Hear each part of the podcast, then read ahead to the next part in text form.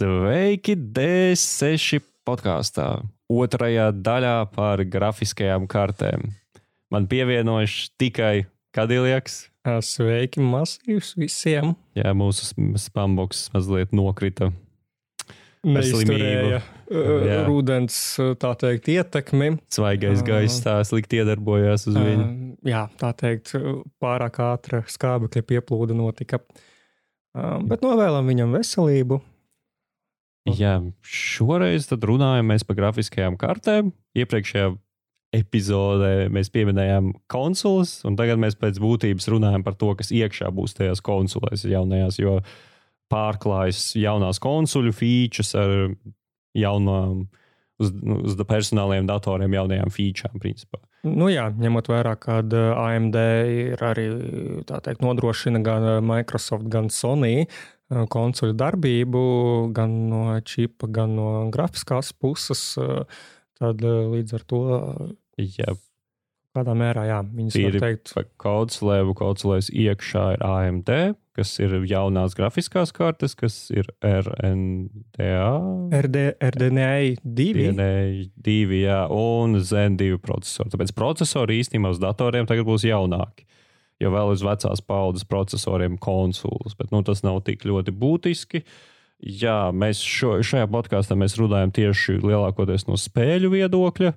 Un mēs arī skatāmies tikai uz šiem diviem lielākajiem spēlētājiem, kas ir AMD un Nvidia. Jo viņi tie ir tie, kas konkurē tieši visvairāk top-end grafikā.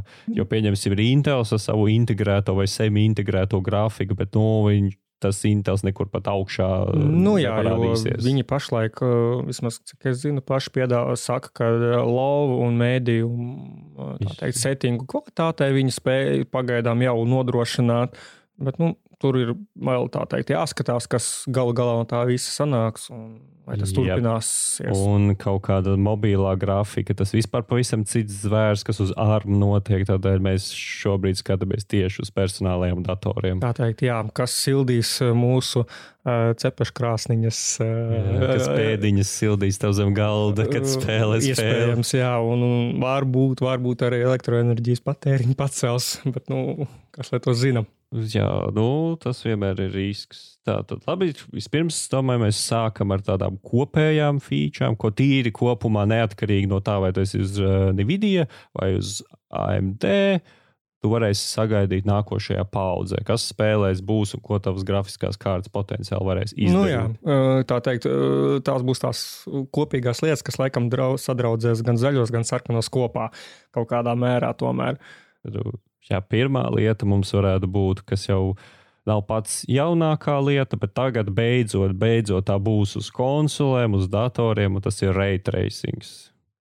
Jeb, kā bātiski būtu, gaismas staru simulācija. Mm, nu, jā, tā kā, gais, jā, tā kā gaismas staru atsekošana, tracing, kā jā, nē, tu viņi bur, burtiski saka, viņi rēķina to, no kurienes spīd stars, pret ko viņš kādu atstarojas, uz kurien nu, tā kā dzīvajā realitātē, teiksim, tur ūdens peļķē iespīd gaismiņu, un tad tā kā, nu, redzams, jā. tas viss savstarpēji. Un tas ir tāds ļoti smags uh, priekš skaitļošanas process, tīri dēļ atstarošanās, jo gaisma ļoti atstarojas pret daudz virsmām, un lai katru stāru atsekot un izrēķināt, kur tam vajadzētu būt, tas ir visai smagi. Nu jā, tas tāds ļoti interesants tehnoloģija, kā pamanām, bet tāpat laikā arī reitrēsingu šobrīd piedāvā vien ļoti nedaudzas spēles. Teikt, iespējams, protams, nākotnē. Tas viss atkarīgs no izstrādātājiem, kā viņi šo tehnoloģiju pievienos, jo pašlaik, nu, kas ir simtprocentīgi, kur var to reitrēsingu izmēģināt, tas ir Minecraft, topošajā Cyberpunkā 2077. Ah. Nē, daudzās lielajās jau parādījies ir uh, reitrēsings. Nu, lielajos taitlos ir.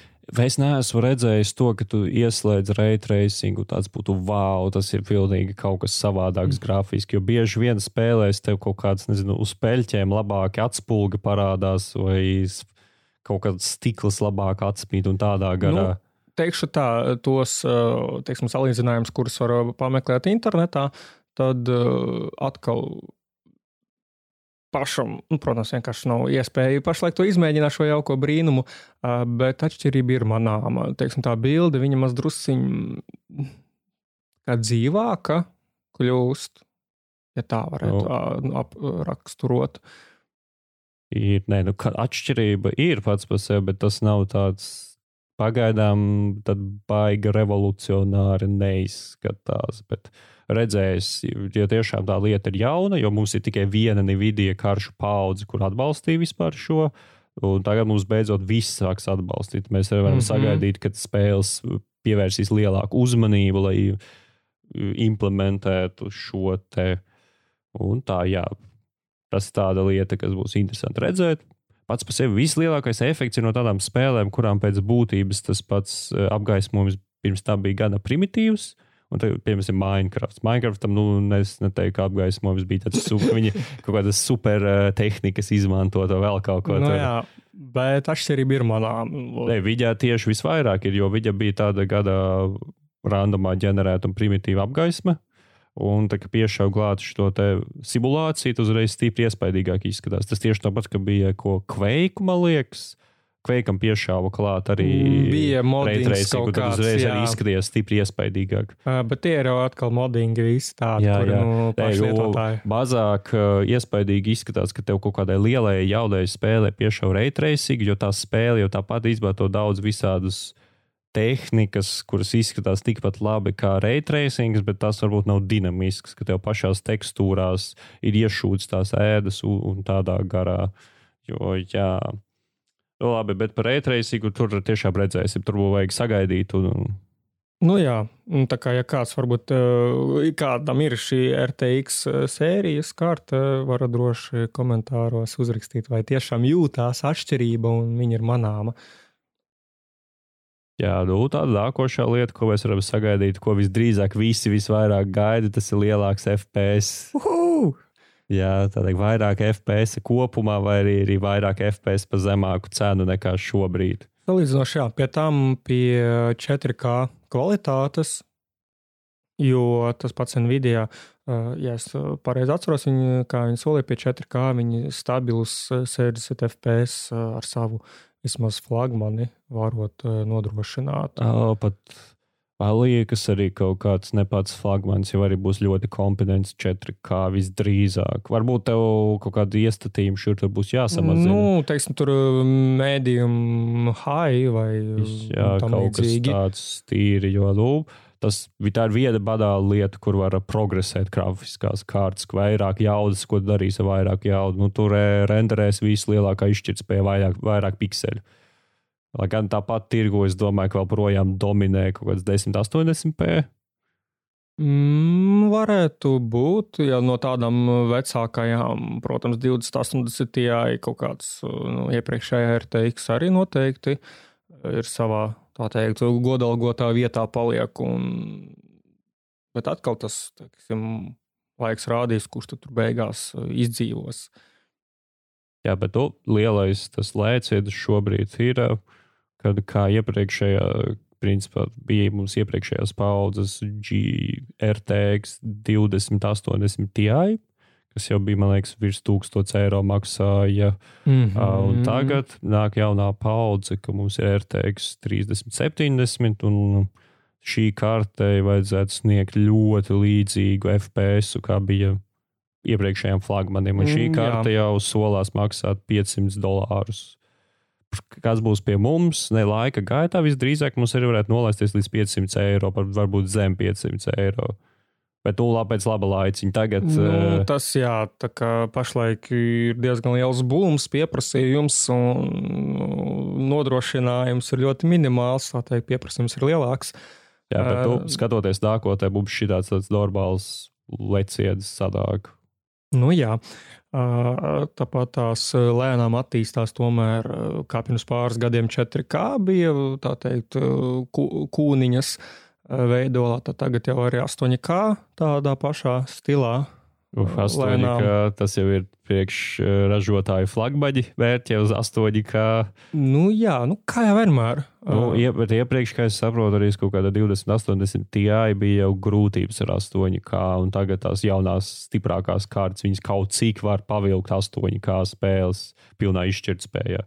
Kas laikam ir iespaidīgi, bet Mm, Nu, jā, bet, uh, ja ņem tādas, teiksim, tos pašus Latvijas rea realitāti, tad, nu, cik daudziem cilvēkiem būs tas pats 8K, 4K, protams, jau tagad ir krietni jau pieejamāks. Un, ja vēl kaut kāds, varbūt nosacīti divus uh, gadus atpakaļ, tas skaitījās jau nu, joprojām tāds diezgan dārgais gals, tad tagad tas jau tāds aizvien, aizvien. Uh, Pieejamāka Jā. tehnoloģija, kuru var izbaudīt nu, ļoti lielākā daļa vairāk cilvēku. modeļu cedas nokratušās. Tas atkarīgs no vēlmes, uh, kas ir interesanti noteikti televizoros. Televizori jau ir ļoti reklamēti 4K, visi kaut cik populāri ir pārgājuši uz 4K. Monitors es ne tik ļoti jūtu, uh, kas ir uh, tieši spē, PC gamingā vairāk cilvēki pat ne tik ļoti koncentrējas uz to izšķirtspēju kā uz uh, refresh rate, lai būtu augsta refresh rate monitora. Nu, piemēram. tas, tas bija tāds. Bet nu, noteikti ir uh, 4K monitori, ir lieli, ir mazi monitori, un arī viņus jau var pa visai sakarīgām naudām dabūt. Nu, nav tā, ka būtu, zin, man liekas, kāds Tūkstoti trī- diez vai. Nu, tūkstot var atdot, bet nu, ne tik ļoti. Nē, Laikam. 4K jau ir, man liekas, ap kādiem 300 sākas vismaz. Varētu Varbūt bija arī kaut kādi ultralētie, kuri būs vēl mazāk. Bet tur arī atkarīgs kāda matrica stāv, tur IPS vai kaut kāda OLED. man, man tieši par tiem monitoriem ir tas, ka, uh, ja tev ir kaut kāds 24 soli monitors, piemēram, tur ir 4K, tev, tu neredzēsi. Ā, Tu īsti nevari izmantot tos pikseļus. Viņi ir tik maziņi, ka tu nevari izlasīt teiksim, tekstus jau vairs. Tev vajag kaut kādu Windows upscaling izmantot, un Windows upscalings nu, ne ļoti labi strādā. Vai kā tas bija, nu, kad čipa, viņš visu bur, burtus rāda lielāks mm -hmm. kā Windows visu. Un tā interesanti liekas, ir kaut kādi lieli monitori 4K, lai tev nevajadzētu nekādu apskēlīgu lietot, ka tev pēc mm. -hmm. idejas sadāk kā 4 salikti 10, 8, tas ir monitori vienā monitorā, un tad tev ir daudz vietas priekš visiem taviem, uh, nezinu, dokumentu logiem, pārlūku Mm. logiem, UTT.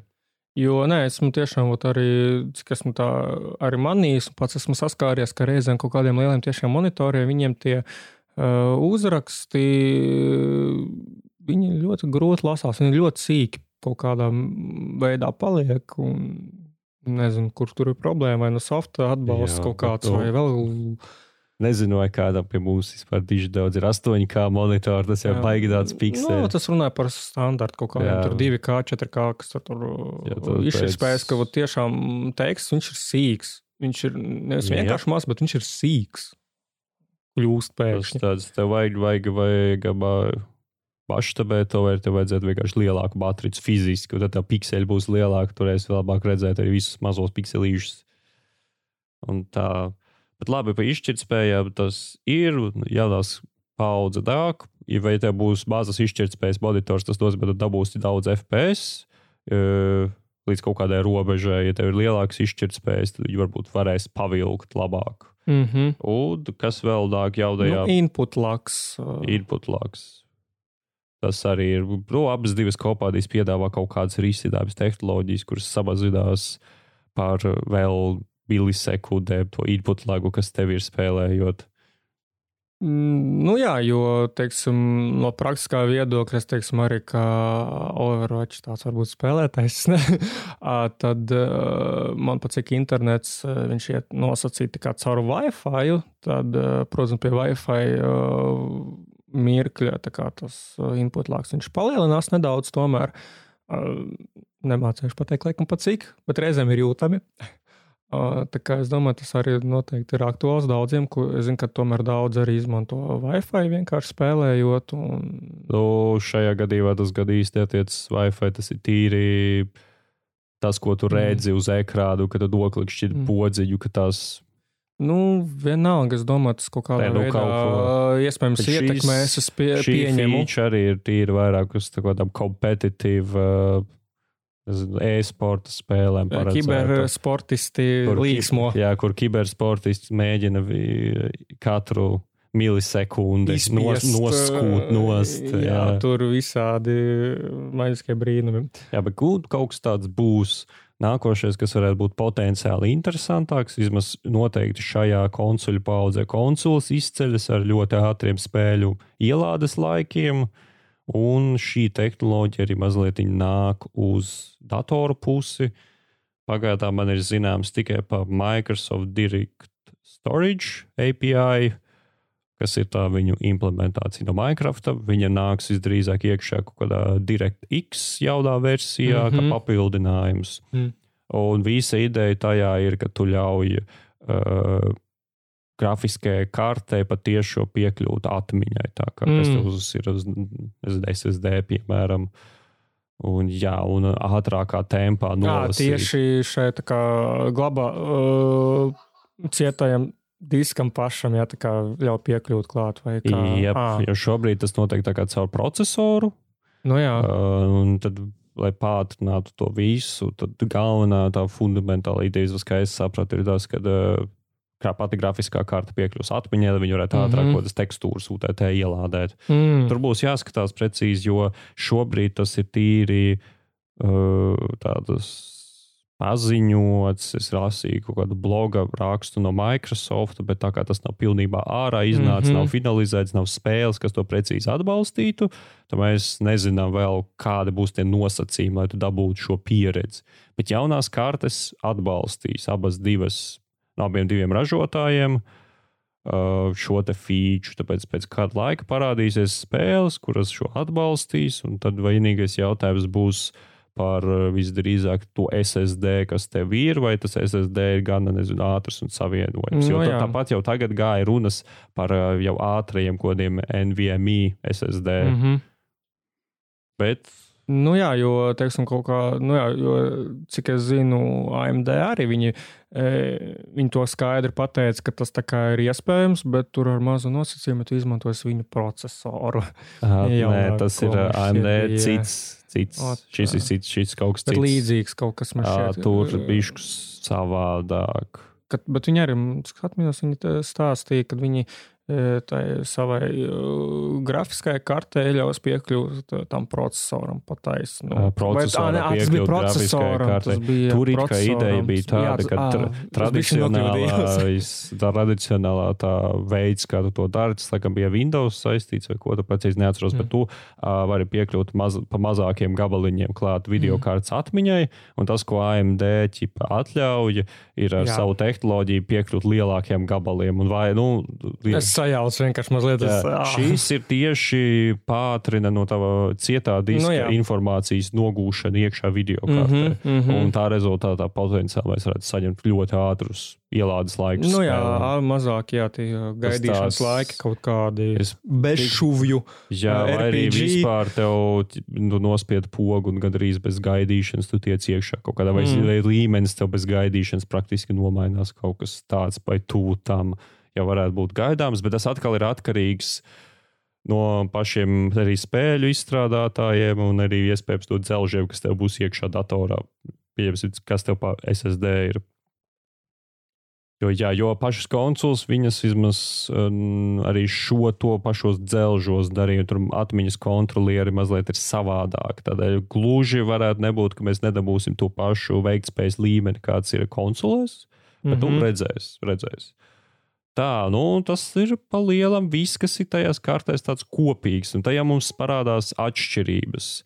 Vismaz šis tas varbūt arī abas divas kartes kaut ko līdzīgu dara, bet tur jau ir gana daudz atšķirības, lai viņas, domāju, atsevišķi izcelt. Nu, jā, teiksim, varbūt desmit uh, gluži neatradīs, bet kaut kādu piecīti noteikti var atrast. Jā, nu, es to mēs pirmo pievedam divu video, kā tāda būs liela Es domāju, ka Nvidia ir tāds vairāk uz ausi kritusi, un kaut kas vairāk ir dzirdēts, tur kaut kādi reitracingi, kaut kādi tur kuda, kodoli un vēl visādi tur maģijas. Nu, par Nvidia un reitracingu, cik tagad baumo visu ir. ka raytracings būs lielāka veiktspēja raytracingam nekā AMD, jo nu, Nvidia šī jau ir otrā paudze ar kartēm, kuras spiež uz raytracingu. AMD tā būs tikai pirmā paudze mm -hmm. raytracingu. Tādēļ it kā tur ir veiktspēja AMD raytracingā ir mazāka. Redzēsim, protams, kad kartes iznāks, spēles sāks atbalstīt, vai tu tiešām baigi redzēsi kaut kādu atšķirību, bet pagaidām baumas ir tādas, ka tomēr Nvidia raytracingā uzvar Um, nu, it kā jā, jo, teiksim, ja skatīties abu ražotāju mājaslapās, tad um, kaut kādā mērā, jā, Nvidia, nu, tā, tur, ja ar pirmo atskatienu, tad Nvidia maz drusciņ labāk ir. AMD viņš tāds tā kā maz kaut kas it kā tāds, nu, kaut kas oh, to atsevišķi bet es biju saskāries it kā par kaut kādiem datu noplūdēm, ka tur bija, kad uh, par AMD tie raytracing akceleratori ir mazliet vājāki, tā mm -hmm, veiktspēja pat, mm -hmm. ko var mhm. dabūt ārā nekā no Nvidias. Tādēļ. Jā, nu, bet Nvidia kopumā visi viņu īpašie kodoli, kā tur tensor core, UTT, tas ir tāds liels atšķirošs faktors. Noteikti tiem cilvēkiem, kam ir kaut kādas programmatūras vajadzības, lai atbalstītu priekšņu vidīju kodoliem, jo kā es mm, kaut kāda mākslīgā intelekta izstrāde notiek vairāk ar dividiju. Un viņu kodoliem, un ja tu kaut ko, piemēram, tādu dari, vai tev kaut ko tādu vajag izmantot, tu ņemsi uzreiz Nvidia, un tur mm, AMD pat īsti mm. nekonkurē tādā tirgu. Jo, teiksim, cik es atkal saprotu, tieši tie tensoru kodoli, viņi, jā, viņi pats atbild par AI, bet viņiem ir ļoti ierobežots šo teiksim, veicamo uzdevumu klāsts, taču viņš šo uzdevumu uh, veids, nezinu, salīdzinoši Ātri, fantastiski labi. Jā. Jā, tas ir tāds. Ot, atkal viņi atbild vairāk tiešām par to grafisko, tieši šo vidi, par ko mēs varam kā, laikam pie, pieiet nākamo klāt, tas ir DLSS. Latvijasiski to varētu tā tad nosaukt tā kā mākslīgā tā kā intelekta bildes apstrādē, tā, nu, kaut kā mēģināt latvisko, es nezinu, angliski viņi sanāk, ir mums deep, deep learning, super sampling, Tā viņa ideja ir tāda, ka tieši viņš uh, paņem uh, etalona bildi, uh, to salīdzina ar esošo bildi un piezīmē atlikušos pikseļus. Nu, ja tas ir vienkārši izskaidrot, attiecīgi spēļu izstrādātāji, viņi paņem 16K bildi, iebaro to šim mākslīgajam intelektam, kurš jau vēlāk pēc tam arī salīdzina šo jūsu bildi ar to, ko izstrādātāji ir iedevuši šo izējošo informāciju, un rezultātā tas sanāk, pie, nezaudējot FPS, jūs dabūnat kvalitāti, bildes kvalitāti, kas ir salīdzināma ar 4K. Tu, tas ir tādi ideiski spēle tiek rederēta zemākā izšķirtspējā nekā, pieņemsim, tavs monitors ir, tu spēlē to, jā. Un uh, pateicoties šim apskēlīgam, gudrajam, tu saglabā kaut kādu FPS daļu, lai gan tev bija bildi. Tu izskatās... saglabā faktiski visu pilnu FPS. Ja mēs salīdzinām ar uh, citām, teiksim, tādām pludināšanas uh, tehnoloģijām, tad tas pats uh, SSAI Uh, viņam bija tāda lieta, ka viņš pieņemsim uh, 720p, viņš izstiepj uz kaut kā 1080p, uh, un viņu atkal pēc tam samazina, tā kā sakompresē. Attiecīgi, divi pikseli veido vienu pikseli, bet tas ļoti baigi ietekmē veiktspēju. Tas, teiksim, tev kadri.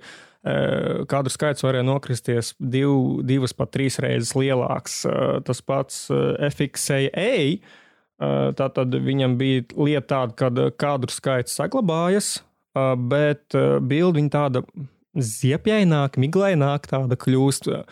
Savukārt, jau nākamā, kas bija attīstības solis, tas bija TAA. Tātad viņš salīdzina iepriekšējo bildi. Un esošo ar iepriekšējo bildi salīdzinu, tad viņš tā kā mazliet kaut ko to piezīmē. Ar, nu, arī tā kā bija miglains, bet jau uh, FPS jau nekrītās. Attiecīgi, tas DLSS viņš ir šis jau attīstības nākamais solis, ka tu uh, iegūsti uh, pat labāku kvalitāti un pat tehniski vairāk FPS. Tu vari iegūt. U, jā, bet galvenais, ko visi pievērš uzmanību, tas ir tieši tas, ka tu vari dabūt uh, bildi, kas ir ļoti tuva. Pildās izšķirtspējas, redzama, bet patiesībā tā tiek redzēta zemākā izšķirtspēja, un respektīvi tur ir vairāk kadri Sekundē. Jo tīri tos testus, ja paskatīties, kas ir internetā, tad ideja ir tāda, piemēram, pie 4K Nu, piemēram, kaut kāds Death Stranding, uh, tad uh, viņam pie 4K piemēram, ir kaut kādi 90 uh, kadri bez DLSS. Ieslēdzot DLSS, kadri principā uzreiz uz kaut kādiem 120. Tā, tā kā jūtam palecas augšā, un arī bildes kvalitāte uzreiz arī jūtamāk labāka. Kļūst. Labāk. Jā, nu, viņam ir.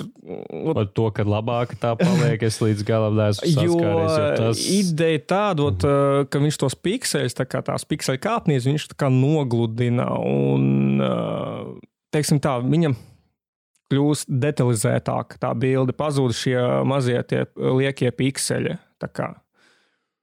Tu, tu gribi teikt, ka viņi paliek asāki. Jā, asāk, var arī tā nu, teikt. Nu, tā ir. Mm, vienkārši es tiešām neesmu pats baigi saskāries ar, ar šo lietu. Un, tā teikt, viss, vis, ko es zinu, tas ir tikai apskati un visādi parāku demonstrējumi. Tāpēc... Lūdzu, pēc tā, ko es esmu pētījis, tad tiešām vismaz vislielākā ažiotāža ir ap to, ka tu vari, ja tev uh, spēli kaut kā develop vēlamajā izšķirtspējā, tu viņu var redzēt zemākā kvalitātē, un DSLS pielabos to. Nu, jā, jā. To, nu... Bet it kā uh, tā, ka gluži viņa būtu labāka. Pieņemsim, ja gribi spēlēt 4K, un tu vari renderēt uzreiz 4K, ka tas būtu labāks pēc 4K.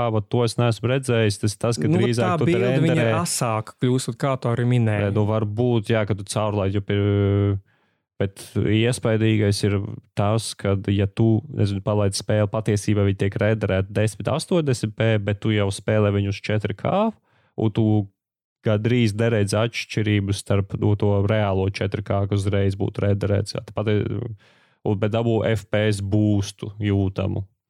Nu, attiecīgi, pie, pat pie budžeta kartēm būs iespēja dabūt gan labu un fantastisku attēla kvalitāti, gan nezaudēt pie tām FPS. Vienīgais šeit ir tas, ko jāpiemina, ir, kad uh, tā ir. Uh, lieta, ko vajag pašiem izstrādātājiem ieviest savā spēlē. Jā. Tā tad, nezinu, vecām spēlēm UTT tev tas pēkšņi neparādīsies. Un priekš tā. Un, tā, un TSLS arī atbalsta iepriekšējā Nvidia paudze un jaunā Nvidia paudze. Nu, protams, arī var būt ka kaut kādi modinga speciālisti, protams, kaut kādām kulta savām mīļotākajām spēlēm kaut ko tādu izdarīs. Uh, Kā ar dūmu. Ja izdarījis, kā ar bet... pirmo dūmu tas bija. Kaut kas bet, tāds. Uh, tas ir. Nu, jo, bet jāņem vērā, ka tas nav kaut kas tāds, ko tu vari izdarīt, ja kādam video strīmam, kas tev ir vienkārši paņemt, ieslēgt, viņš apskailosies. Nē, tas ir kaut kas, ko pie kā vajag strādāt ar šiem izstrādātājiem un ieviest savā spēlē. Tā, kā tas tu... viss ir atkarīgs no izstrādātājiem, bet es domāju, nākotnē viņi noteikti pie tā arī pieskatīsies. Jā, daudz, daudzas lielās spēles jau tagad, kas ir tādas modernās, ir ieviesušas to. Mm Tā tad labi, dāvā, es domāju, ejam pie nākošā punkta. Mēs esam daudz pateikuši par DSLS. tā ir sarežģīta tehnoloģija, bet interesanti. Interesanti, interesanti. Tieši, tiešām, kā minimums, tu vari varbūt paņemt mm, vājāku kārtu, bet varēs arī uz monitoriem lieliem mm -hmm. palaist spēles. Jā, un tas izskatīsies labi. Jo, nu, kā es esmu uz savu monitoru arī laidis, jauda pietrūka vienkārši zemāks izšķirtspējas spēle, un tad viņi tiek izstiepta. Spēlēt var, ja tu pabīdies tālāk, bet, nu, baigi smuki nav. Nu, protams, jā. Tā tad, kas mums nākošais? Ah, Nvidia Ansel. Ancis. Ansis, kas ir Dudeks ļoti aizraujošs, laikam nav tas vienkārši tā iebūvēta, iebūvēta utilīte, ar kuru tu vari ekrāņu šāviņus uh, uzņemt. Bet, attiecīgi, cik es uh, saprotu, uh, tas ir ne tikai kā ekrāņu šāviņš, tu pašā spēlē iekšā tu vari tā kā brīvā kamera un novietot viņu kā gribi un uztaisīt to sev kaut kādu vēlamo ekrānu šāviņu. Bet tas atkal ir ļoti atkarīgs no spēļu izstrādātājiem, vai viņi šo Mm. tehnoloģiju atbalstīs vai nē. Un tur arī ir kaut kādi visādi filtri, ko tu vari pielietot, jau kameras filtri un sataisīt. Jo es zinu, ka šo tehnoloģiju bija prezentējuši laikam ar uh, Assassinu Creed Odyssey, ja es pareizi atceros. O, es tā atceros par šo tiešām. Mm. No tā, nu, es saku, varu malīt, bet es atceros, ka kaut kas tur bija tāds vēsturiska tipa kaut kāda spēle, kur vat, tas tika demonstrēts. Jā, nu, pavādā briesmīgi aizraujoši stāvokli, ja tev patīk ekrāna šāviņš, tā labi. Man vairāk interesē kaut kādas veiktspējas uzlabojumu UTT. Tas pats DSLS ļoti interesants tādā ziņā, ja tu dabū vairāk FPS. -u. Bet, jā, Nu, kāpēc ir Redzēs. pieņemšanas spēles, kurās ir tik fantastiski un smuki dizaini, apkārtējā vide un vēl un vēl, kad nu, nu, tiešām gribētos kā to momentu kaut kā piefiksēt un varbūt sev nu, kā background uz nu, ekrāna. Bet d- daudzos spēlēs jau arī ir iekšā pašā spēlē kaut kāds video iebūvētais fotorežīms, kad var fotografēt. Arī Jā, bet viņš ir.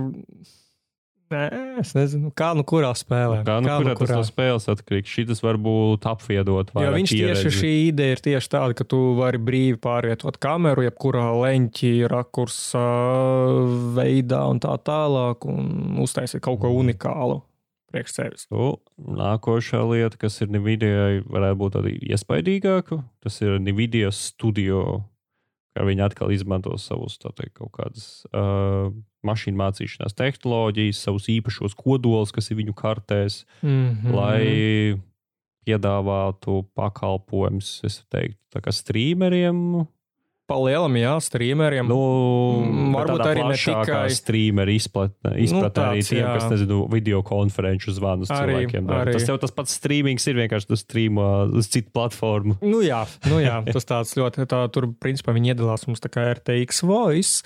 Um, nu šeit tā viņš tur bija saucies, attiecīgi, kurš apstrādā to balsi, tev noņem visliekos trokšņus. Tā ir jā, tāda tāda, uh, gudrā foda trokšņa noņemšana. Ja tev kaut kas skan graba fonā, tad viņš griezīs to ārā un reaģēs tikai uz to balsi. Jā, attiecīgi tāds viens pogas risinājums, ja tu negribi un tā nevēlies iedziļināties uh, audio apstrādē, tad tas ir ļoti labs Jā, uh, risinājums. Tas ir burtiski viens pogas, gandrīz viens pogas. Tur, man liekas, viena poga, un tad tu jau ir slaiderīts, ka tur pagriezt apjomu to, ka tu vari samazināt drusku. Viņš viņš tomēr jāpiestrādā. Jā, viņš- tas Jā, no, man, no sākuma, man liekas, no noklusē viņš gan jau būs uz 100%, viņš visu griezīs, bet vēlēs, tu vari tā teikt, atļaut mazliet foda troksni arī tajā ierakstā. Bet, jā, Jā, tas arī ir pieejams arī uz iepriekšējām paudzēm, cik atminos. nu, Tāpat, uz iepriekšējās paudzes. nu, jā, iepriekšējās. Bišķi Un ar tām, ja vēl iepriekšējām tur tā kā neskaidrāk no sākuma nevarēja, tad viņi it kā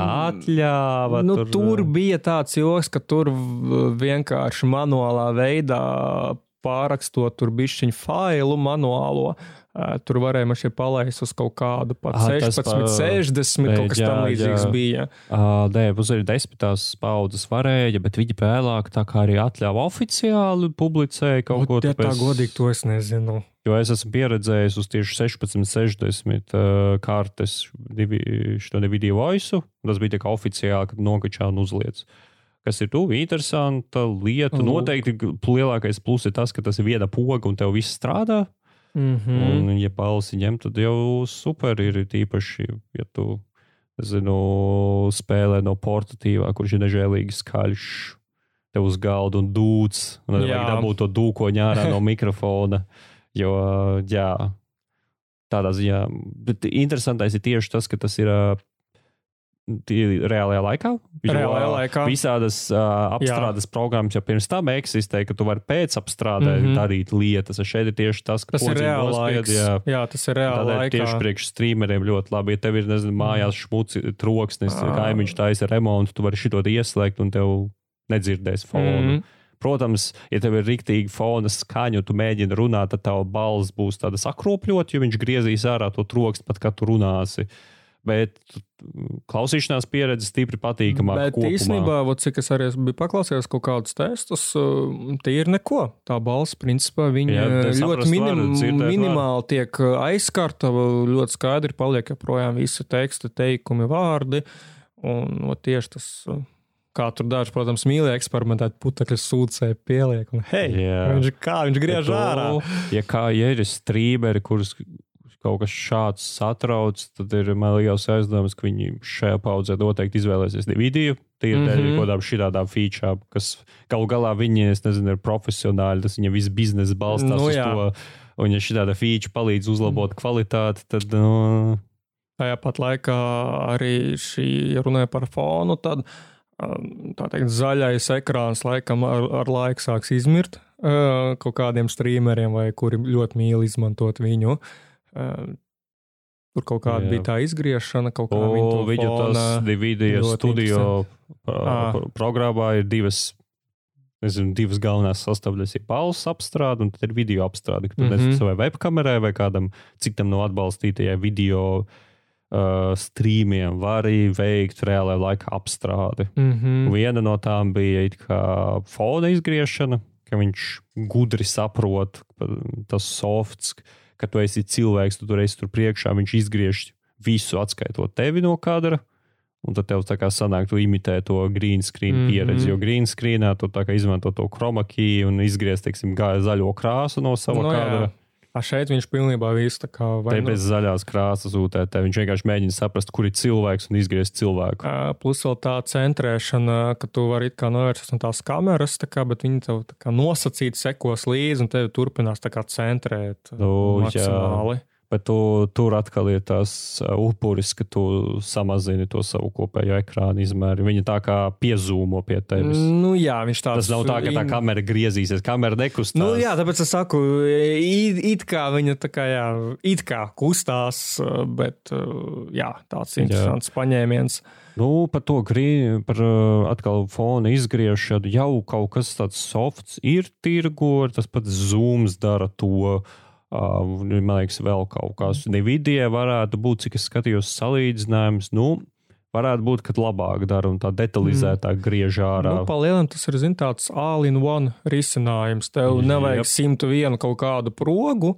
Tev ir reāli viena programma, kurā ir šīs funkcijas jau iebūvētas, un tu vari ar viņām spēlēties. Turpat tās ir tas pats Shadow Play, man šķiet, arī, kas tā kā ar to streamingu nodrošina. Uh, Tu vari strīmot, uh, kaut kā tur bija vai nu no ar ātrāku, es, ne, es, es, es neesmu pats instalējis un skatījos nu, to DVD studijā, bet varētu būt, ka ir kaut kāds tā DVD streaming utilīte arī tur kaut kur daudz tālu. Jā, bet tu pat Nvidia, tas būs viss šīs streameru noteikti. Viņi Nvidia uzvar streameru features. Tas, Jā. jo AMD vienkārši nekā no tā nav, alternatīva nekā nav. Absolūti. Tad tev, ja tu gribētu panākt līdzīgus rezultātus, tev vajadzētu kaut trešo partiju soft izmantot, tad tur vēl vajag skatīties, vai kā, ko tu piedāvā, vai tu, piemēram, fonu izgriezt vēl labi, bet vai kaut ko līdzīgu ar teiks voice vispār var dabūt reālajā laikā, kaut kur. Tas ir jautājums. Nenāk, ja tā godīgi. Nu, ir. Nē, palielam, nu kā, nu kā rā, rādio, tur labi rādio, tur tas ir nepareizi. Varbūt salīdzinājums viņam tur telpas ir nopakotas tā, ka tur uh, pat kāru nedzirdēs man šķiet reizēm. Uh, par AMD feature. AMD feature. Tā tad kas uz labs AMD?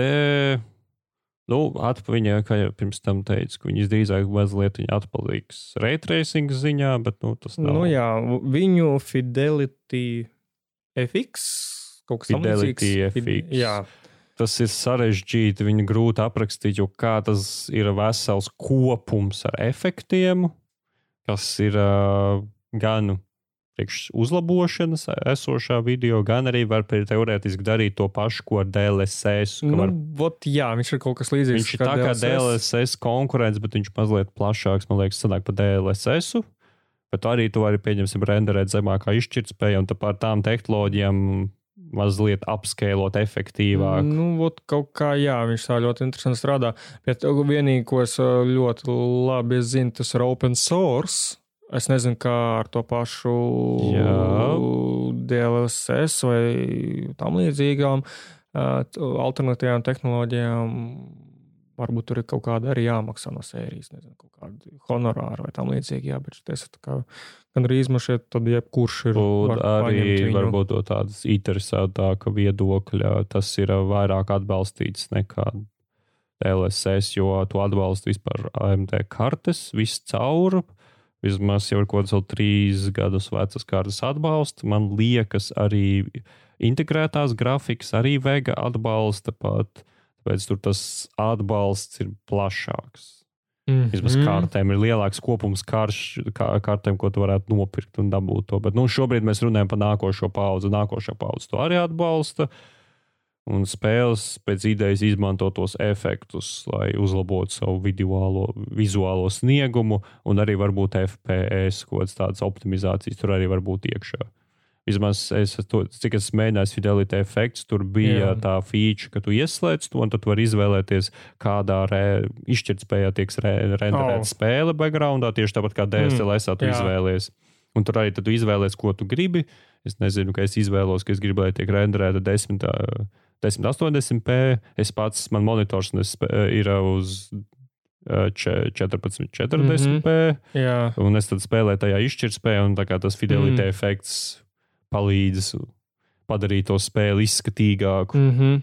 Uh, kas ir interesants salīdzinājumā ar DSLS. Es esmu es skatījies vairākus salīdzinājumus. Vienā salīdzinājumā it kā izskatās, ka tas fidelity efekts zaudē, citā atkal DSLS labāks. un fidelity izskatās labāks. Nē, bet viņi izskatās ļoti tuvi mm -hmm. viens otram. Tā kā, tā kā baigās. Tas varbūt ir atkarīgs tieši no tiem pašu spēļu izstrādātājiem, kur spēle ir labāk optimizēta zem kā. Un Jā, uh, nu, tas vairāk no apskatītājiem vismaz pagaidām, jo es esmu skatījies, mm -hmm. Dead Strandinga bija abas divas tehnoloģijas iekšā, un tad esmu vairākus salīdzinājumus no dažādiem cilvēkiem mm -hmm. skatījies, un tad viedokļi par to ir bijuši dažādi, un tie paraugu fotografijas, kas tiek publicētas, arī viņas bijušas dažādas. Tāpēc tur kaut kas līdz galam nav, bet, nu, uh, kaut ko līdzīgu tu vismaz vari dabūt, kas varbūt ne ļoti atpaliks. Nav tā, ka būtu nakts un diena salīdzinājumā DLSS, bet pagaidām no tāda kopējā viedokļa, ko esmu saskaries, ka DSLS tomēr ir labāks par to, ko spēja piedāvāt AMD. Nu, ot, jā. Te varētu laikam tomēr piekrist. Jo, jā, bet tu... Pikseļu kāpnītes, viņas kaut kā vairāk pazūd uz DLSS. Jā, jo fidelity efekta arī, protams, tur daudz viss kaut kas, tur arī visi šie variable rate shadings ir kā tehnoloģija, UTT ir tādas lietas, kas tīri uzlabo veiktspēju. Mm -hmm. Tas pats shadings, tas ir, kad, nu, pēc idejas te, te, tehnika, ka tu uh, varētu teikt, pilnā izšķirtspējā nerenderē visu kadru, tu izvēlējies kaut kādas mazāk nozīmīgas vietas, un tur pieņemsim, mm -hmm. ēnas būs mazākās izšķirtspēja, ka tu ir mazāk atmiņu atvēle priekš tā mm, visu un jā. optimizējies tādā veidā. Tās tādas lietiņas mazās, vairāk priekš izstrādātājiem, ko viņi dara backgroundā, lai uzlabotu spēles veiktspēju. Un tā Nvidias puse arī kaut kas tāds ir un tādā garā. Bet labi, par to efektu Fidelity efekts pateiks, tas ir, nu, ir interesanti no AMD puses, neko mm, neteiks. Tas tāds, jā, top, top. Pagaidām, nu, briesmīgi visdrīzāk zaudē DSLS, bet vismaz ir kaut kāda alternatīva. Jā. Tad tu nepaliksi sēdēt bez featurām. Šeit arī visādas nu, features. Tur gudrais sharpenings, UTT tur arī ir. Tāpēc tā nākošais, laikam, ko es gribēju, nu, tā nav jauna feature vienīgais es pierakstīju sarakstā, ka eksistē Radeon Boost. Bet tas jau, mm -hmm. man mhm. liekas, ir kādu gadiņu vecs. A, tas nav tas pats uh, rage mode, ko viņi nē, nē, nē, nē, nē, nē, rage ir... modes bija overclockings, ah. vienas pogas. Šis ir. Uh, uh, tas nav atkarīgs no spēles. Man liekas, visur tas tiek atbalstīts. Uh, un ideja bija tāda, kad, ka tu ieslēdz to savā radio kontrolpanelī, spēlē konkrētai un kad tu kustini kameru, Jā. tev kustības laikā tiek samazināta izšķirtspēja renderam. Un tā viņi panāk stabilāku un vairāk FPS. À, tas tā kā attiecīgi, nu, tā kā viņi. Hmm. Nē, es, es ideju sapratu, jā, tas tāds. Jā. Viņi samazina izšķirtspēju, tā vietā tu iegūst vairāk FPS. -u. Jā, tu, ja gribi aiziet mājās un savas integrētās grafikas kaut kā ieslēgt, pamēģināt Overwatch atbalstu. Ah, okay. Nē, vienkārši es domāju, kur tas varēja būt tik efektīvi. Reizēm izšķirtspēja arī ļoti nozīmīga. Vai tu tur uh, nos, nosacīti trīs km attālumā redzi pretinieku vai nē? Nē, jā, nē, tur ir it kā ideja, ir, ka tu samazini izšķirtspēju tajos brīžos, kad tu nemaz tik daudz nevar atšķirt tos pikseļus, tā kā kustības laikā, kad grozi kameru, kad varbūt tev tāpat viss ir nu, visai uh, izplūdis tajā brīdī, mm. un tad vienkārši viņi mazliet resursu palīdz uh, saglabāt tādā veidā. Oh. Okay. Tas vairāk, pieņem, tas, tas vairāk būtu, ja tev ir nezinu, spēle, viņa tev līdz galam nu, netur tos 60 stabili FPS, un tu varbūt šo tu ieslēgs, un tas palīdzēs. Jā, un tas Bet nekāda super revolucionāra feature tā nav. Galu mhm. galā tu mazliet varbūt skaidrību upurē, lai gan kamēr tu nekusties, uh, viss ir ok, tas vairāk kustībās. Jā, à, okay. Bet tad arī tev vēl vajag to pamanīt. Bet tu, tāda feature drusciņi ir radionam. Okay, tā tā ziedojuma kvalitāte veikspējas labad. Jā, nu, jau, jau ierunājās ar pieminēt rage modu, kas būs tieši jaunajām kartēm, laikam jaunajām kartēm, vai arī varbūt visam. Uh, Bet, nu, atkal tajā AMD kontrolu panelī, vismaz Radeon kontrolu panelī parādīsies podziņa, rage modes, nospied podziņu un karti kā automātiski overclockosies. Jā, tā kā minimāli, nu tā, salīdzinoši minimāli. Bet, bet... Bet, bet teiksim, vienkārši tas, jā, tas galvenais. Tas tev palīdzēs iegūt teiksim, vairāk jaudas mirkļos, kad to vajadzēs. Uh, Jā, tur ir redzējis, kas varētu būt. E, nu, jo, kā pieņemsim, būs visādi trešās partijas ražotāji kārtēm, kur jau tāpat no ražotnes overklakos tavu mm -hmm. kārtu, tas ir tās OC versijas. Arī, es nezinu, vai, š, vai tām kārtēm arī viņš palīdzēs kaut ko izspiest, vai jau nu, būs izspiests viss, ko varēja izspiest. Bet, jā, un visdrīzāk veiktspēja nebūs tik laba kā manuālam overclockam, jo banāli parasti, kad manuāli overclocko, tu padrusciņai pacēl kaut kādu power limitu, un tad skaties, vai karte ir stabila, vai viņi nekrešo, nu, jā. vai neprādās artefaktu UTT. Bet atkal, ja tu baidies uh, no overclock un neesi nekad to darījis, tad atkal viens pogas ir izcinājums. Tev var iedot, man šeit kaut kāds tur plus, man šeit bija kaut kāds simts toču hertus, ko viņš tev uh, piedāvāja. Mm. Nu, un tas mums ir mazliet pieminot Tādas jau vēl tehniskākas lietas. AMD stratēģija ir pagaidām vismaz tajās lētākajās kartēs likt vairāk ramu iekšā. Mm -hmm. Ko viņi papildina vēl ar Infinity Cache, kas ir atmiņas kriksītis uz paša, pašā tajā grafiskajā, pie, pie grafiskā kodola. Un viss vis tas ir tas, ka, principā, cache. Nu, Un tas dara to, ko cache dara. Jo, teiksim, nu, okay, jo cik es, teiksim, atkal, kā es sapratu no visas tās idejas, tā ir tā tāda apakšsistēma, kas kā, minimizē rāma kā, šaurās vietas un enerģijas patēriņu. Un kā rezultātā, salīdzinot ar iepriekšējo pirmās paudzes, tā kā ir DNA, tad viņš ir uz kaut kādām pat rezultātā uz 50% ātrāks un efektīvāks. Yep. Es nu, jaunā viņi, paudze nekā iepriekšējā. Viņi pateicoties tam savam uh, cashīgam, it kā pēc viņu mārketinga datiem ir ļoti pacēluši to caurlaidību nu, atmiņas Nu, tie ir tīri tādi jā, mārketinga dati. Tur, ot, kad iznāks tās kārtas un būs testi pieejami, tur būs jau jāskatās, kas ir gala galā patiesībā. Jā, bet to pagaidām izskatās, ka varētu būt, ka tīri no video atmiņas viedokļa AMD pagaidām varētu būt interesantāks no tā, ko piedāvā.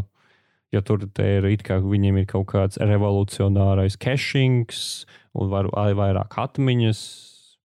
Un, ja, Nu, Īpaši arī runiet par augstākām izšķirtspējām, tad tiešām atmiņa mm. ir tāda visai nos, nosaka daudz ko, lai tās augstās izšķirtspējas tekstūras varētu ielādēt gan ātri un apstrādāt. Tāpat laikā, cik es zinu, tad ir tieši to, ka viņi ir sajūguši kopā, vismaz viņi piedāvā sajūt kopā jaunās paudzes Raizenas 5000 sērijas ar jaunajām grafiskajām kartēm.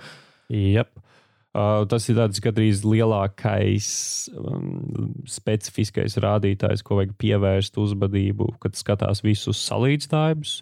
visus pagaidām publicētos AMD nu, tos veiktspējas sarakstus, cik daudz viņi uzvar Nvidia UTT. Mm -hmm, mm -hmm. Jo prikals tiešām ir tajā, ka viņiem ir kā tos smart access memory feature, ko viņi spiež. Jā, ko es sākumā kā, laikam bija arī sajaucis tieši sanāk. Jā, tas ir tie, ka viņiem ar jauno procesoru paudzi, kas ir Ryzen 5000 Uh, plus tev vajadzēs jauno mātes plates čipsetu, kas ir tas B550, B550 vai visdrīzāk, laikam, ir X570, kas ir tas high-ends vairāk. Nu, jā, bet. Nu, jā, tās. tev vajadzēs to 500, un tad uh, ar, š, ar šo smart access memoriju uh, viņi dod tiešāku pieeju procesoram, video kārtas atmiņai. Uh, jeb vairāk var lielāku, lielākos apjomos, var, respektīvi, arī ātrāk uh, mainīt to un piekļūt tai.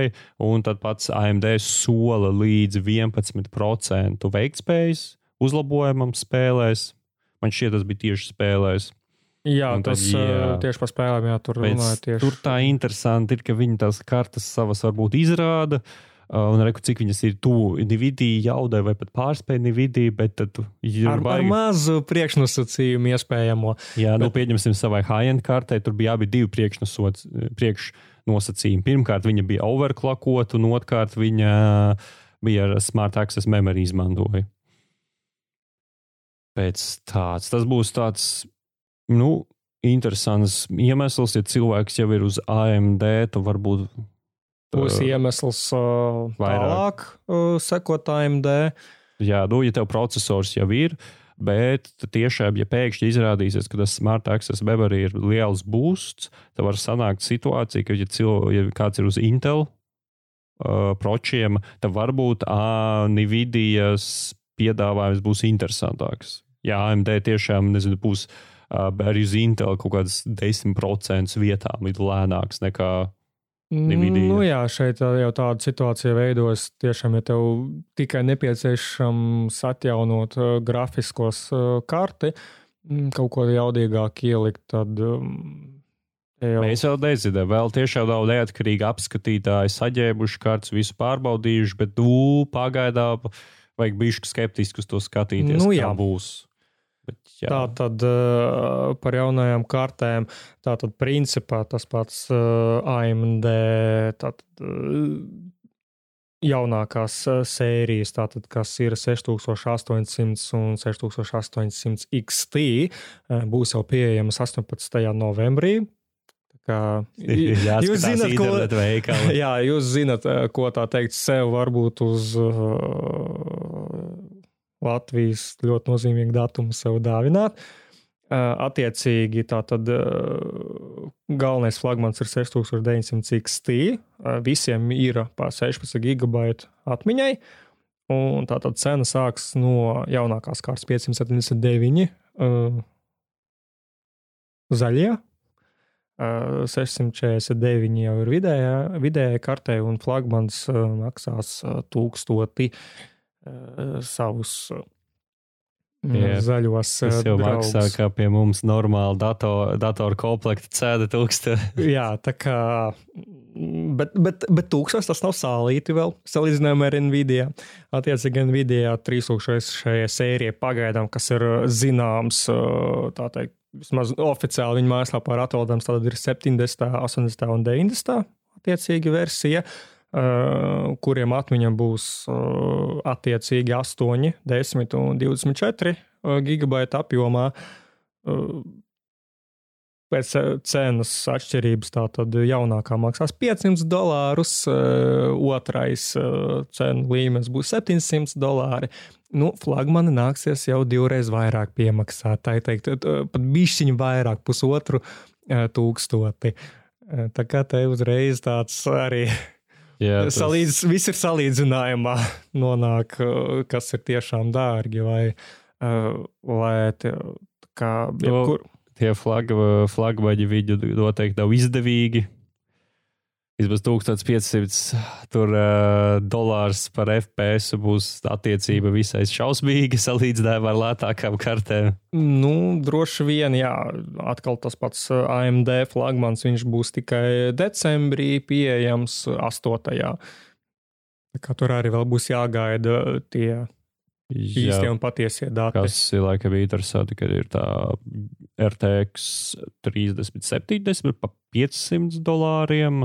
Bet ra Radions jau mums maksāja laikam 650 vai mm, 580. Nu, 580. Jā, nu, viņš ra Radions prasa vairāk naudu, bet arī ir vairāk veiktspēju un vairāk rāma salīdzinājumā. Nu, vismaz ciparos, ja tā tīri skatīties, jā, viņš piedāvā 16 gigabaitus pret 8. Jā, un it kā arī pēc pagaidām, kas ir publicēts no Radiona puses. Uh, salīdzinājumi, it kā arī būs vairāk FPS spēlēs. Vismaz dažās. Jā, Pēc redzēt, šobrīd no jaunajām kartēm lētākais piedāvājums tomēr ir Nvidia. Viņu nekur tāpat nevar dabūt. Jā, jo tā atkal tas pats Nvidia jaunākais 3070, viņš tiek nostādīts pret iepriekšējās paudzes flagmani. 2080 Ti veiktspējas ziņā. To tāpēc, plus mīnus. Nu, tā, jā, kā, bet... Pagājušās paudzes tāpat šā, kaut kādos aspektos ir labāks, bet, nu, jā, 30, bet, 70 gan tūs. 500 dolāri. Un cik tur tas flagmans maksā? Kaut kā tūkstoši. Kaut kas bija man štāds. Ja. Nu, attiecīgi tur ko štuka pret 500 Veiktspējas ziņa plus mīnus. Nē, no tieši 30, 70 pat priekš mūsu vietējā tirgus varētu būt jau interesants. Protams, vēl jāsagaida, ka tā cena būs, jo šobrīd viņš, man liekas, jau tur esmu redzējis par kaut kādiem 800, 30, 70. Nu, ja ir stipri dārgāks pie mm. mums pieejams nekā vajadzētu būt, lai būtu tiešām interesanti to ņemt. Nu, jā, tā jau, teiksim, Nvidia vai plānoti, neplānoti, tiešām tur mazākas partijas ir sagatavojuši, vēl kaut kā to atstāsim varbūt konspirologu ziņā. Jo tāpat laikā AMD viņi tādi to situāciju atkal izmanto. Un, viņi tādu, nu, lūk, mēs tā kā visiem ražotājiem esam izsūtījuši instrukcijas, Jā. kā viņiem jāuzvedas, kā viņiem ir jāpiegādā.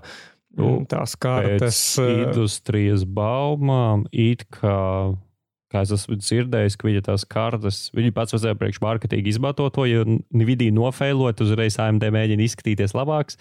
Bet faktiski viņiem karšu daudzums, ko viņi izsūtīs, ir principā tāds pats kā viņu parastais, mm -hmm. priekš kaut kādas iepriekšējās paudzes. Ja viņiem, nu, it kā viņiem viss normāli ar to uh, karšu daudzumu ir. Bet tajā pašā laikā problēma ir tajā, ka Nvidia ļoti nofēloja un viņiem nepietiek karš tad izskatās, ka cilvēki, kas briesmīgi grib jaunu grafikas karti, tagad viņi varētu skriet. Viņi nedabūja ne video, viņi mēģināja dabūt radionu, un beigās radions arī tiks izpildīts. Tā pati situācija radīsies pie tam vēl, kā atkal baumo, šis pats mining bums, tā kā atkal lēnām briestot, un ir jau pirmie jau bijuši kaut kādi mēģinājumi masveidā iepirkt tieši šīs kartas priekš mininga, kas tā kā ir kā apstādināti šādas partiju, šādu partiju iepirkumi. Jo, atkal, cik tur uh, bitkoins atgūst vērtību. Jā. Viņš kaut jau bija kaut tos pašus pirms kādu laiku 14,000 koinu sasniedz, jo cik tur pirms gada vai diviem bija lielais kritums, viņš pirms tam nebija mm -hmm. atguvies vēl tik augstu, un tagad jā. tieši viņš atgūsts. Un nāk jaunas grafiskās kartes, tas varbūt ir slikts kombo. Ot, jā, tā kā tur īstenībā ļoti briest neviennozīmīga situācija, jo pat pieņemsim par Krievijas tirgu, tur, cik situācija zinām, ir bijis tāda, ka pieņemsim tie paši 30, 90 tur uz visu valsti bija ievesti kaut kādi tas desmit kartes, tā teikt, uz visu valsts. Līdz ar to radās tur arī ļoti visādas spekulācijas un kas tik vēl ne. Mm, bet cik es zinu, ka tagad daudz uzņēmumu tieši otrādi viņi uzkrāja šīs partijas, attiecīgi nevis uzreiz tirgo, bet viņi uzkrāja. Un pēc tam tās partijas viņi sākas mest ārā, nu, lai tā kā neradītu um, šo varbūt pārslodzi. Šobrīd ir kā ir, ja pēkšņi kāds saskarās kādā veikalā, es nezinu, ar to pašu 30, 70, bet pa kaut kādiem 600. Tā jau īstenībā ir laba cena un var ņemt. Salīdzinoši, jā. Jo... jo kā pie mums parasti ir, kad cenas pat nokrītas līdz pašam galam, tad mēs labākajā gadījumā dabūjam to pašu dolāru cenu tikai eiro. Mm -hmm. Ja šaubos, ka mēs baigi vajag gaidīt, ka būs zemāk par 500, jebkāda tā karte. Ja godīgi, tas 30, 70, viņš ir pat redzēts pat pa visu tūkstoti. Yep. Tirgojamies. Mēģina. Kā, Tur ir es gan arī, ar MSI bijušas visādas. Tūkstoti tas ir. Uh. Ja mums tirgo es esmu redzējis, uh, man liekas, 30, 80 pat tūkstoti vai tūtā mm. MSI bija mm. viens mm. piedāvājums. Es nezinu, viņš pazuda vai kā, bet bija. Mm. Pat šitā. Jo atkal, teiksim, tas pats ar MSI tur bija arī savs paradoxālā situācija, kad viņu mācīja uzņēmums, kurš nodarbojas ar Fabrešu uh, karšu tirgošanu, tad uh, viņi sanāca tā, ka kaut kādā veidā, kā MSI pats saka, nu, viņi ieguva to pieeju jaunajām kartēm, lai gan viņiem to nevajadzēja kā iegūt. Tā, tas mākslinieks uzņēmums, tas kartes tirgoja eBay. Nu, tur arī ļoti dīvaina tāda situācija. Tā kā, mm, tur arī var visādi uh, spekulēt un domāt, uh, kāpēc un kā. Jā, nē, nu tas bija kontroversiāli dēļ tā, ka uh, tas gandrīz nāca no pašu uzražotāja, bet jā, jau uzcenots. Jā, tas tāds ļoti bišķiņ... Es, nu, neteiksim, ka es tik ļoti negatīvi attiecos pret to, ka kaut kādi privāti personas uzceno, nu, tas brīvais tirgus, kādēļ gan viņi nevar. Nu jā, no tā, tā pat laikā tas atkal Protams, tāds... ja tas tiešām ļoti ļaunprātīgi, kad, nezinu, kāds izpērk visas kārtas tikai, lai pēc tam uzcenotu tās, vai tad grūti. Ja tu esi kāds eh, viens, nezinu, tu dabū vienu karti un tu paskaties, ka, ej, es it kā dabūju normālu to kartu, bet vietējā tirgu cilvēki ir gatavi dot dažus simtus pa virsmu, tad tev liekas aizdomāties. Kāpēc nē, jā, kāpēc nē, īstenībā. Tagad es atvēru mums uh, SS. Tā ir viena 30, 70, Jā. pa 799 eiro no liepājas. Tā, tā ir pa 800 dolāriem, 70. versija? Jā, 37, bet 800 eiro. Mm. Nu, tas un, tāds, jā, man, nu, rupi runājot. Un arī no liepājas, vai tagad tas nav viens tas pats cilvēks. Ir 30, 80, pat 1000 eiro. Nu, 30, 998 eiro.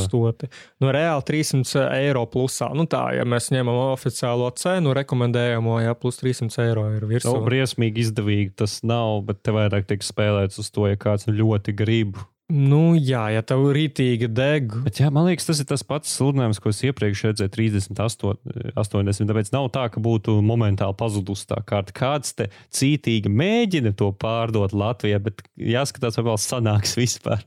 Nu, jā, jo nu, tomēr eh, pie mums cilvēki nu, ne, nav padomā, varbūt tik ļoti. Padomā, kādēļ tu pirktu 30, 70. Tu pirktu, jo viņa maksā mazāk un dod vairāk FPS nekā iepriekšējā paudze. Un tad kādēļ tev maksā tas esā daudz naudu? No, tā. ja tavs galvenais mērķis ir ietaupīt naudu, lai tu varētu dabūt nu, pagājušās paudzes flagmanī. Attiecīgi, ok, ja tas būtu pieņemsim kaut kāds tiešām pats pats, pats 90. nieks, nu, pie tam tas kaut kāds, nezinu, tur Man liekas, mums pat tā... 3, 3D kaut kāds uh, tas veidotājs vai vēl kaut kāds tāda ļoti specifiska profesija, tad jā, varbūt tev tas ir tiešām aktuāli.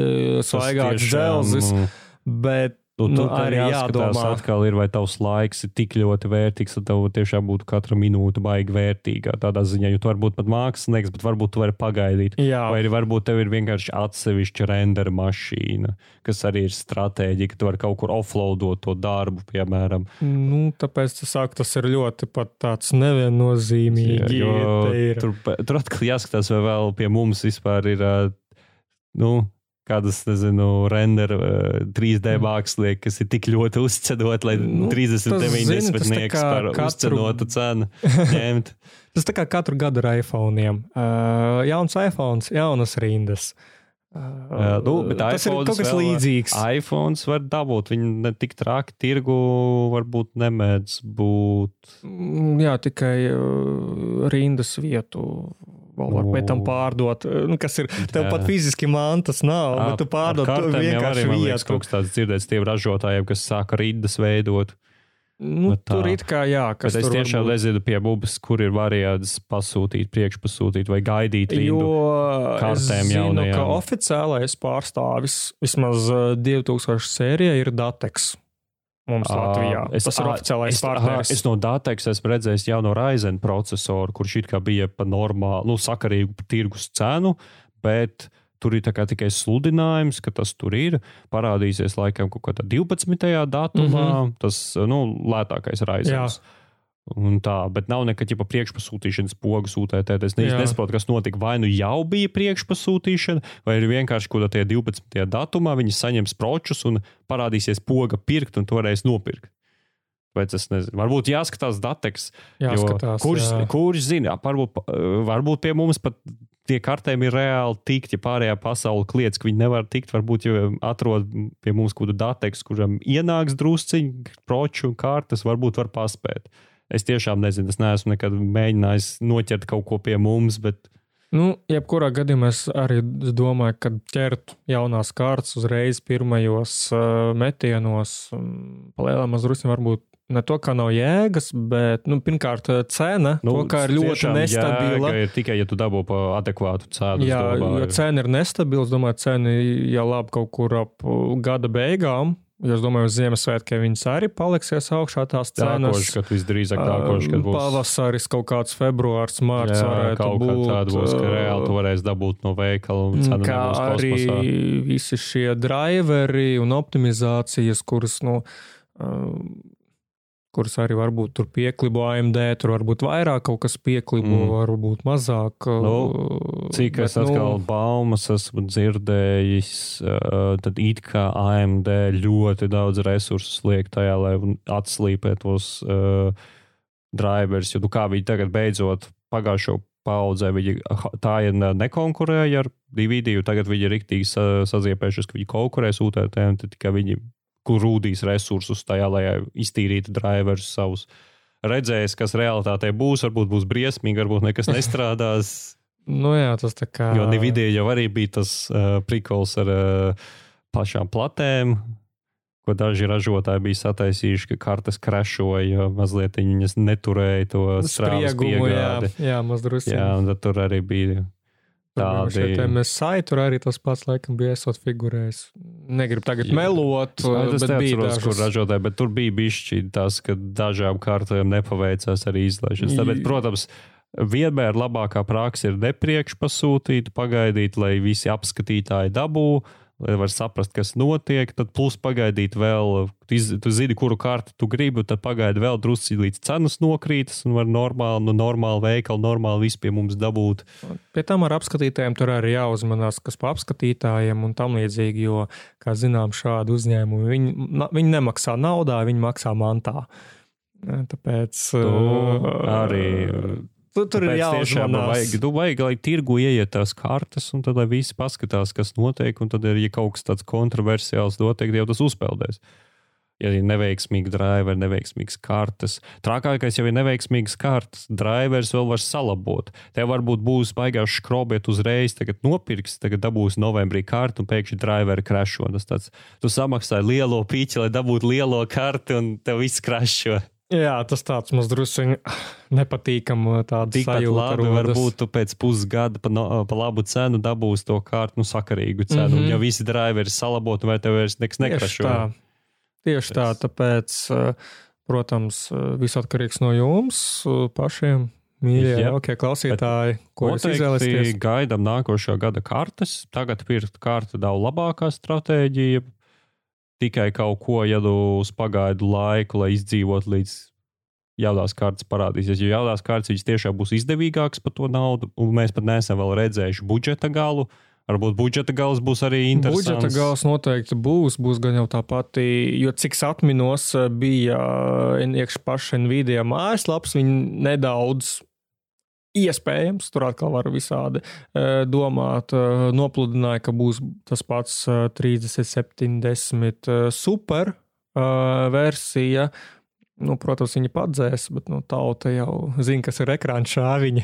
Jā, Lūk, un, tas ir tas risks, kad arī viņi, lai konkurētu ar AMD, kā atbildi izlaidīs kaut kādas jaunas kartes versijas, kuras vairāk mm. konkurēs ar AMD, piemēram. Uh, Arī tu vari priekšpasūtīt vienu versiju, un tas skaties pēc dažiem mēnešiem iznāk jauna versija, kur tas ir labāka, bet maksā līdzīgi baigi. Nu jā, lūk, un tad, nu, attiecīgi, es domāju, būs gan tie paši 360 tās ver, versijas, būs arī kaut kādi 30, 90 tur super, tie jā, vai nu, vēl ar visādām abreviatūrām. Noteikti pie mums Latvijā riktīgi interesants būs 60. Tas ir tradicionāli bijis pats karstākais, un tieši tāpat arī no AMD puses pie mums arī AMD mēdz būt tieši tas teikt, budžeta gals. Nu jā, jo teiksim, vismazāko naudu tu dabū visvairāk FPS. Jo tieši no iepriekšējās paudzes eh, bija tas moments, kad, eh, ja tev interesē ray tracing, tu gribi ieskatīties maz drusku, kas tas ir, tad 2070, ja tev viņš baigi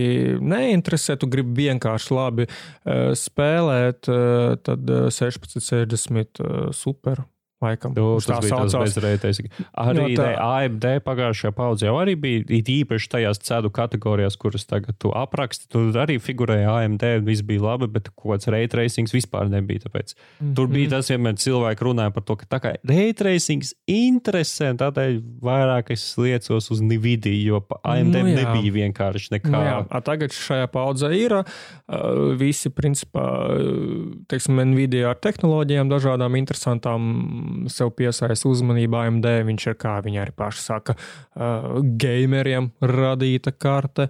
Jā, priekš tā mums tieši jau vajag neatkarīgus apskatītājus redzēt, kuri uztaisīs benchmarks, paskatīsies, kā Vai mums visos... pašiem jānopērk. Jā, jā. lūk, tā, tā, ka... tur, tur vajadzētu dabūt viņu vispirms. Tā kā varbūt kāds grib atsūtīt mums kā reklāmas piedāvājumu. Jā, labi, kas... mēs varam beigt šīs te vilinošās domas. Nots, jā, visiem visu labu. Izvēlēties to labāko. Jā, tā.